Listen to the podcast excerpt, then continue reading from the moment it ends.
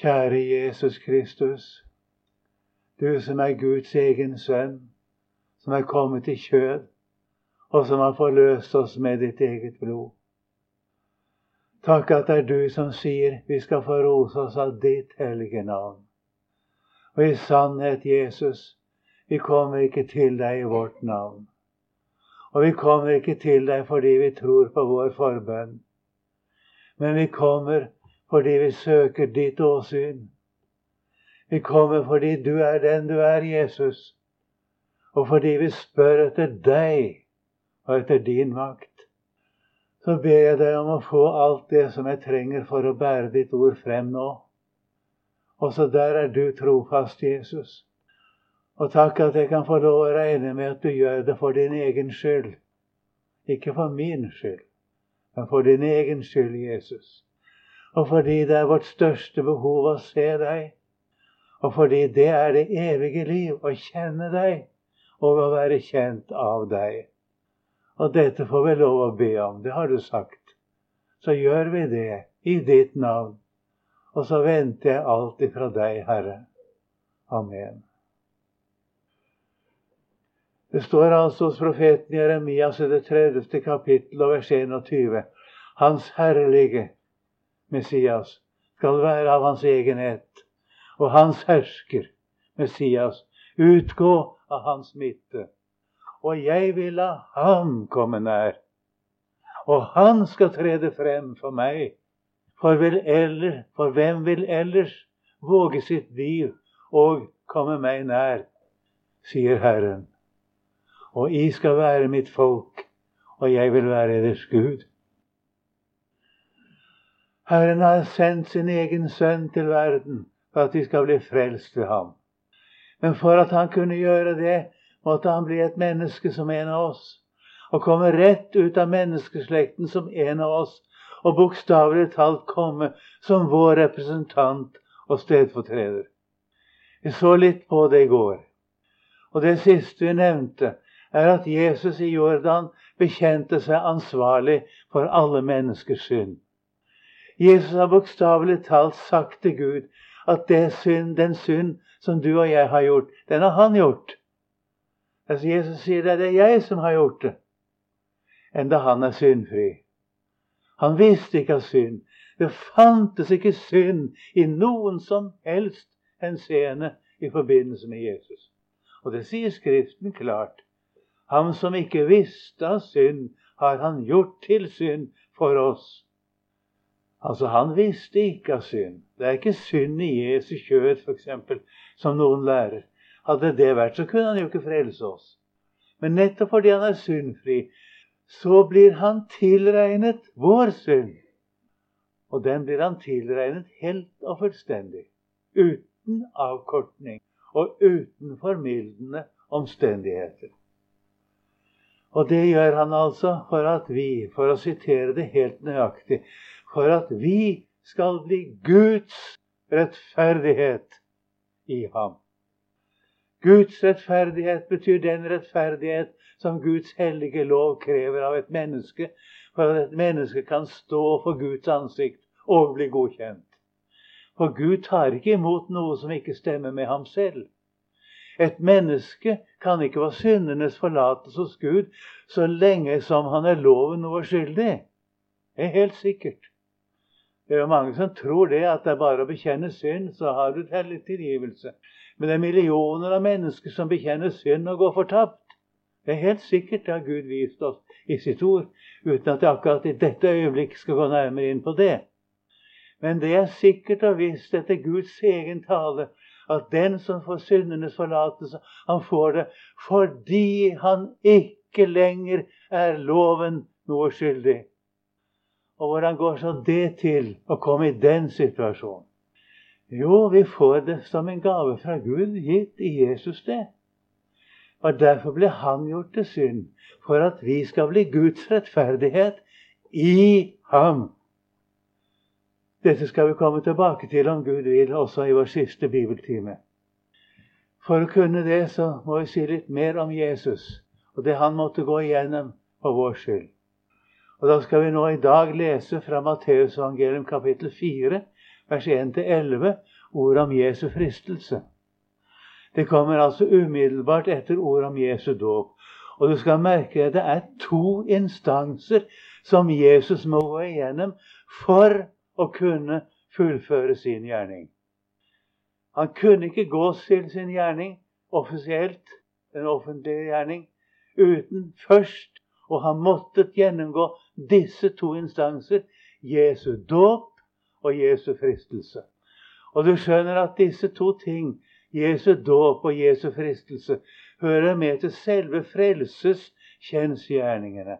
Akkurat som Jesu død på korset, som hans oppstandelse og som hans himmelfart. Og Nå skal vi da lese i Jesu navn Matteus 4, vers 1-11. Da ble Jesus av Ånden ført ut i ørkenen for å fristes av djevelen. Og da han hadde fastet 40 dager og 40 netter, ble han til sist hungrig. Og fristeren kom til ham og sa, Er du Guds sønn?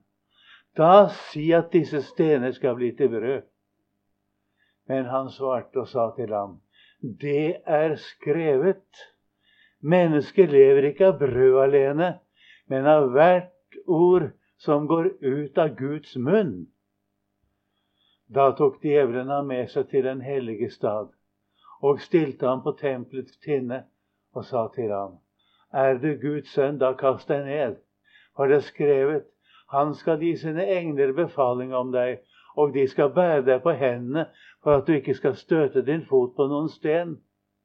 Jesus sa til ham, Det er atter skrevet, du skal ikke friste Herren, din Gud. Atter tok djevelen ham med opp på et meget høyt fjell og viste ham alle verdens riker og deres herlighet, og sa til ham, Alt dette vil jeg gi deg, hvis du vil falle ned og tilbe meg. Da sa Jesus til ham, Bort fra meg, Satan, for det er skrevet, Herren, din Gud, skal du tilbe, og ham alene skal du tjene. Da forlot djevelen ham, og se, engler kom til ham og tjente ham. Da Jesus var blitt døpt, og altså hadde bekjent seg ansvarlig for menneskers synd, så måtte han stilles på den prøve som Adam og Eva ble stilt på i paradis. Adam og Eva var syndfrie, men de var ikke fullt ferdig utviklet. Det skulle skje i samfunnet med Gud. Derfor hadde Gud gitt dem et forbud som vi leser om i 2.17 i Første Mosebok. Det var et tre som de ikke skulle spise av, og de fikk et forbud som de umulig kunne forstå. Hvis Gud hadde gitt dem forbud mot å ete noe som var farlig eller skadelig, så hadde de kunnet forstå det. Men de fikk forbud mot å gjøre noe som i seg selv skulle virke godt og gagnlig og nyttig. Det kunne de ikke forstå. Og nettopp det er poenget. Mennesket skulle lære å være lydig for Guds skyld. Ikke for nyttens skyld, ikke fordi det var noe de skjønte, men de skulle være lydige bare fordi Gud har sagt det. Og det var på den måten, bare på den måten de kunne utvikles i samfunn med Gud. Dette benytter sjelefienden seg av. Så kommer han til Eva. Det står i Første Mosebok kapittel 3, det. Særlig de seks første vers. da og hvordan fristelsen kommer først. Og Nå skal du legge merke til at Jesus ble fristet på samme måten. Det skal vi komme tilbake til om et øyeblikk. Men la oss først se et øyeblikk på den første fristelsen. Slangen den var vel egnet som redskap for djevelen. Den var listigere enn alle dyr på jorden. Et vel egnet redskap. Den krøp ennå ikke bare omkring på marken, det vet vi, det kom til å skje senere, da Gud felte sin dom over den. Og den var vel oppi dette treet formodentlig. Og så begynner slangen å tale og henvender seg til kvinnen. Og kvinnen hadde aldri hørt noen tale til seg uten mannen. Og hun visste at Gud talte, og mannen talte. Og det umiddelbare inntrykk som hun måtte få da slangen talte, var at Gud ville henne noe nå gjennom slangen. For det er djevelens vis, forstår du. Han aper etter Gud når han vil forføre Guds folk. Og det gjør han i aller høyeste grad i dagens samfunn. I det som vi kaller kristenheten i dag, holder djevelen på å ape etter Gud på mange måter og forføre mangfoldige mennesker. Så det gjelder å våke, kjære venner. Det er farlig å sove i dag, og så er det nettopp det de gjør, de fleste. Det har forresten Jesus sagt at like før han kommer igjen, så er det søvnens tider. Alle ti jomfruene sovnet. Og når man sover, så vet man ikke hva som skjer omkring seg. Sjelefienden benytter seg av kvinnen. Og så kommer han og sier til kvinnen Har Gud virkelig sagt? Ja, sånn står det i oversettelsen. Men det kunne godt oppfattes som om han sa Ja, visselig har Gud sagt. Det hørtes ut som en bekreftelse i første omgang. Og poenget her er at under skinn av å bekrefte Guds ord prøver djevelen å få mennesket bort fra Guds ord. Det er hans måte. Og han skal forføre Guds folk. Han skal forføre kristne. Og for dem som hører ham til, har han mange andre metoder. Men han skal forføre dem som vil holde seg til Guds ord, så er han listig og slu. Så aper han etter Guds ånd. Og under skinn av, altså, gir det utseende av og ville bekrefte Guds ord, så prøver han å avkrefte og ødelegge Guds ord for Eva. Har Gud virkelig sagt? Det er en riktig oversettelse. Jeg kan ikke oversette det annerledes. Dere, dere, skal ikke spise noe tre i haven, osv. Og, og så overdriver han litt, sier det litt annerledes. Og kvinnen som er i god tro nå, og tror at det er Gud som vil henne noe, hun innlater seg i diskusjon med djevelen. Og det var hans hensikt. Du skal merke deg det. Djevelen vil ha oss som er kristne, til å diskutere. Ja, ja, ja, hva har Gud sagt? En kan jo ikke ta det slik. Kvinnen sier at vi kan spise av hvert tre i haven, men av det treet midt i haven, det er til kunnskap om godt og ondt, der har Gud sagt at, hvis, at det må ikke ete. altså føyer hun til for egen regning. Heller ikke røre ved, for da skal de dø. Og så sier de å nei da, nei da, nei da. Skal visselig ikke dø. Det er en misforståelse, det. Gud vet at på den dagen du eter det treet, så kommer du til å bli som Gud. Og Der har du fristelsen. Den første fristelse inneholder dette at mennesket skal bli som Gud. Mennesket skal bli sin egen Gud, sin egen Herre. Og så ender det med at han får djevelen, nei, djevelen får kvinnen til å se på treet, som står i vers 6. Men så at treet var godt å ete, at det var et prektig tre osv. Den kunne få forstand av det. Hun så altså, og hun tok. Og han ga sin mann med seg, han åt. Og så faller skjell.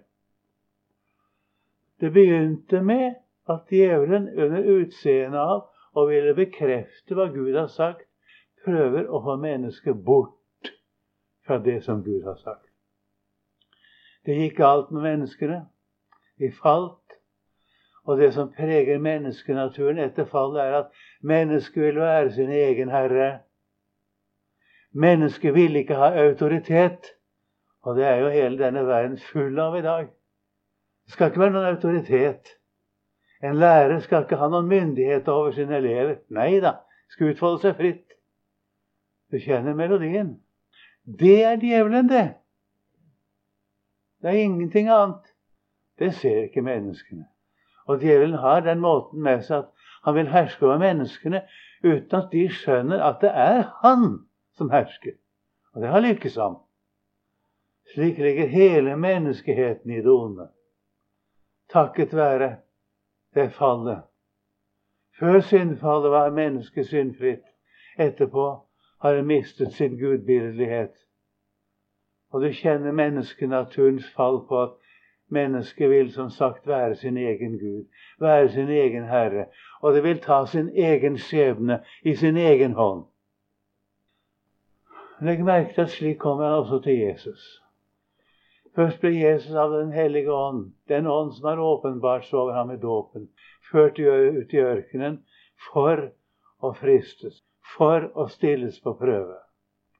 Han måtte det. Han kunne ikke seire vår seier uten å stilles på vår prøve. Nå taler jeg om ting som ligger altfor høyt for et menneske å forstå. Men Guds ord taler allikevel klart at han ble ført ut i ørkenen av Den hellige ånd for å fristes av djevelen. Og der kommer han i en situasjon som synes lite forenlig med at han er Guds sønn. Han faster i 40 dager og 40 netter. Tross alle påstander om det motsatte, så viser det seg at det går meget an, det. godt an, det. Så blir han til sist hungrig. Og så kommer fristeren. Han benytter seg av den situasjonen da som Jesus er i. Det gjør han også overfor oss kristne, det vet du, uten at jeg vil tale om det nå. Han benytter seg av situasjonen, og så skal du merke hva han sier. Er du Guds sønn? Nå har Faderen nettopp sagt om Jesus 'Dette er min sønn'. Og nå hører du han tar sitt utgangspunkt i Guds ord. Er du Guds sønn? Da si at disse stener skal bli til brød. Ser du det? Under skinn av å ville stadfeste Guds ord. Nå kan du vise det. Nå kan du bevise det. At det Gud har sagt, det er sant. Du er Guds sønn. Vis det nå. Bevis det nå. Si at disse stedene skal bli til brød. Under skinn av å ville stadfeste søker han om det var mulig å avkrefte Guds ord for Jesus. Det nyttet ikke overfor Jesus. Han svarer, og du hører hva han svarer. Det viktigste av alt det som står her. Jesus sier, 'Det er skrevet'. Mennesket lever ikke av brød alene, men av hvert ord som går ut av Guds munn. Han avslører dermed djevelen. Og merk det han sier. Det er skrevet. Han opptar ikke noen diskusjon. Han snakker ikke om hva eventuelt det og det kan bety. Sånn som så mange gjør i dag. Hvordan skal vi oppfatte dette, sier de.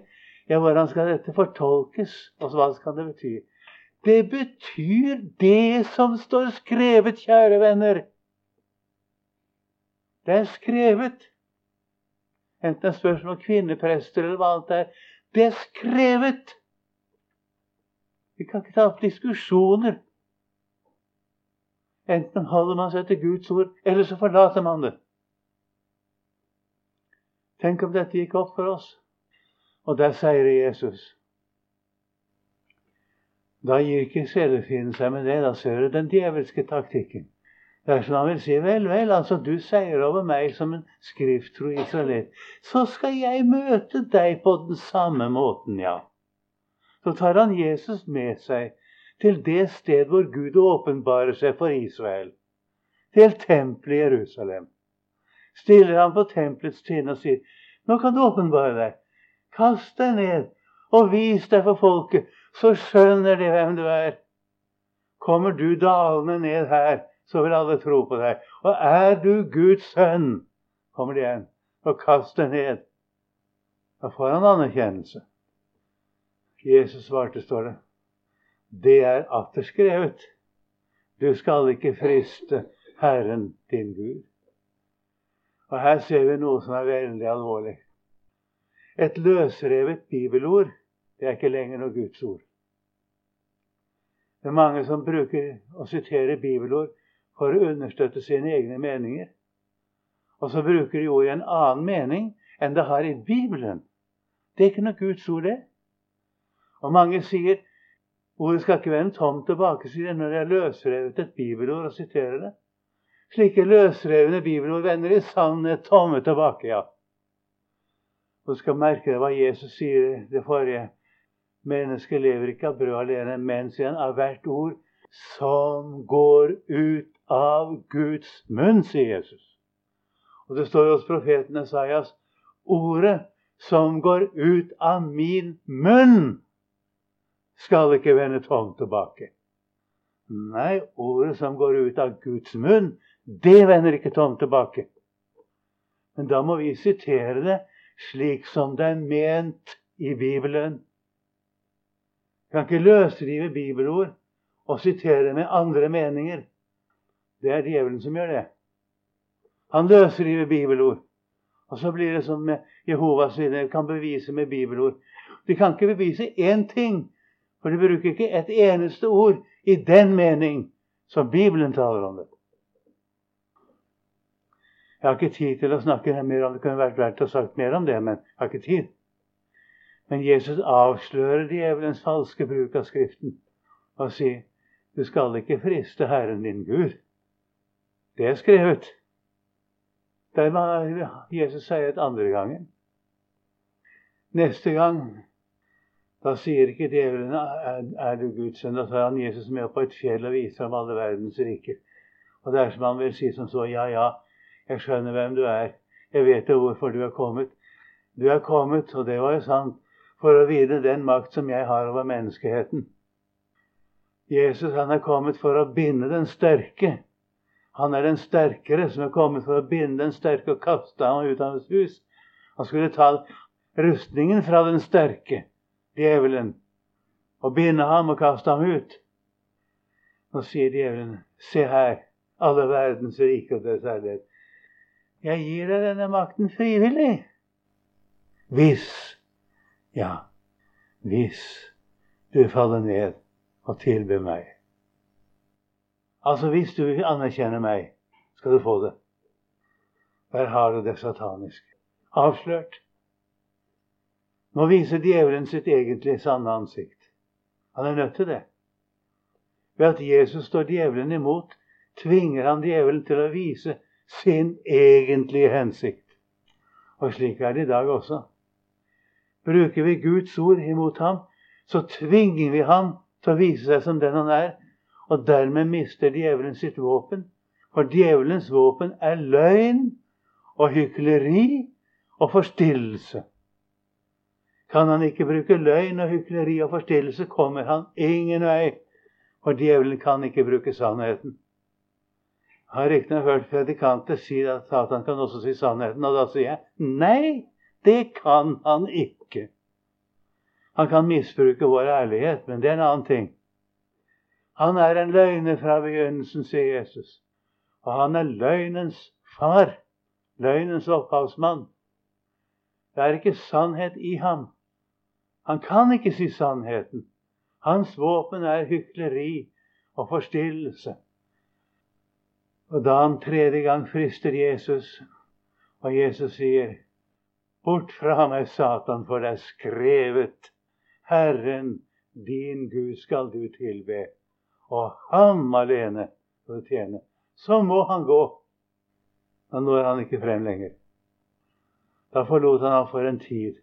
Vi vet at dette er ikke den eneste fristelsen Jesus hadde. Han var fristet både før og etter den tid. Men det er den eneste fristelsen Jesus har fortalt om. Det var ingen med ham i ørkenen. Det var ingen vitner. Når vi har fått dette, så er det fordi dette er et vitnesbyrd av vår egen frelser, som han har gitt apostlene, og de har gitt det videre til oss. Denne fristelsen, nemlig, den har en avgjørende betydning. Gjennom denne fristelsen blir sjelefiendens makt i menneskeheten prinsipielt brutt. For første gang er det et menneske som Satan har litt nederlag overfor. Et menneske som seirer som menneske. Han har alltid måttet gi tapt for Gud. Men her står et menneske. Det mennesket er din og min stedfortreder. Og det er vel verdt å se hva Jesus ble fristet til her. Den første fristelsen er du Guds sønn da sier at disse stenene skal bli til brød. Det er en fristelse til selvhjulpenhet. Den andre fristelsen, den i tempelet i Jerusalem, det er en fristelse til selvhevdelse. Og den tredje fristelse, en fristelse til å ville ha makt og innflytelse til fordel for seg selv. Og ta nå disse tre ting. Selvhjulpenhet, selvhevdelse, det å ville ha makt og innflytelse til fordel for seg selv, det er selve synd, den, det. Hvorav alle synder springer ut. Dette ble Jesus fristet til. Der seiret Jesus. Derfor kan han gå videre som din og min representant. Og vi har et glimt hvor Jesus henviser til dette.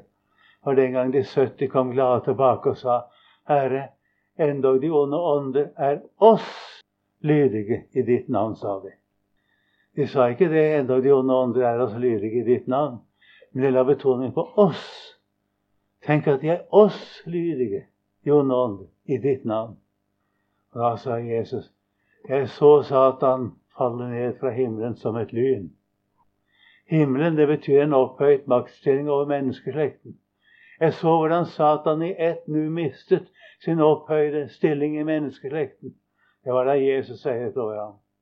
Se, sier han, jeg har gitt dere makt til å trå på slanger og skorpioner, over all fiendens velde, og ingenting som skader dere.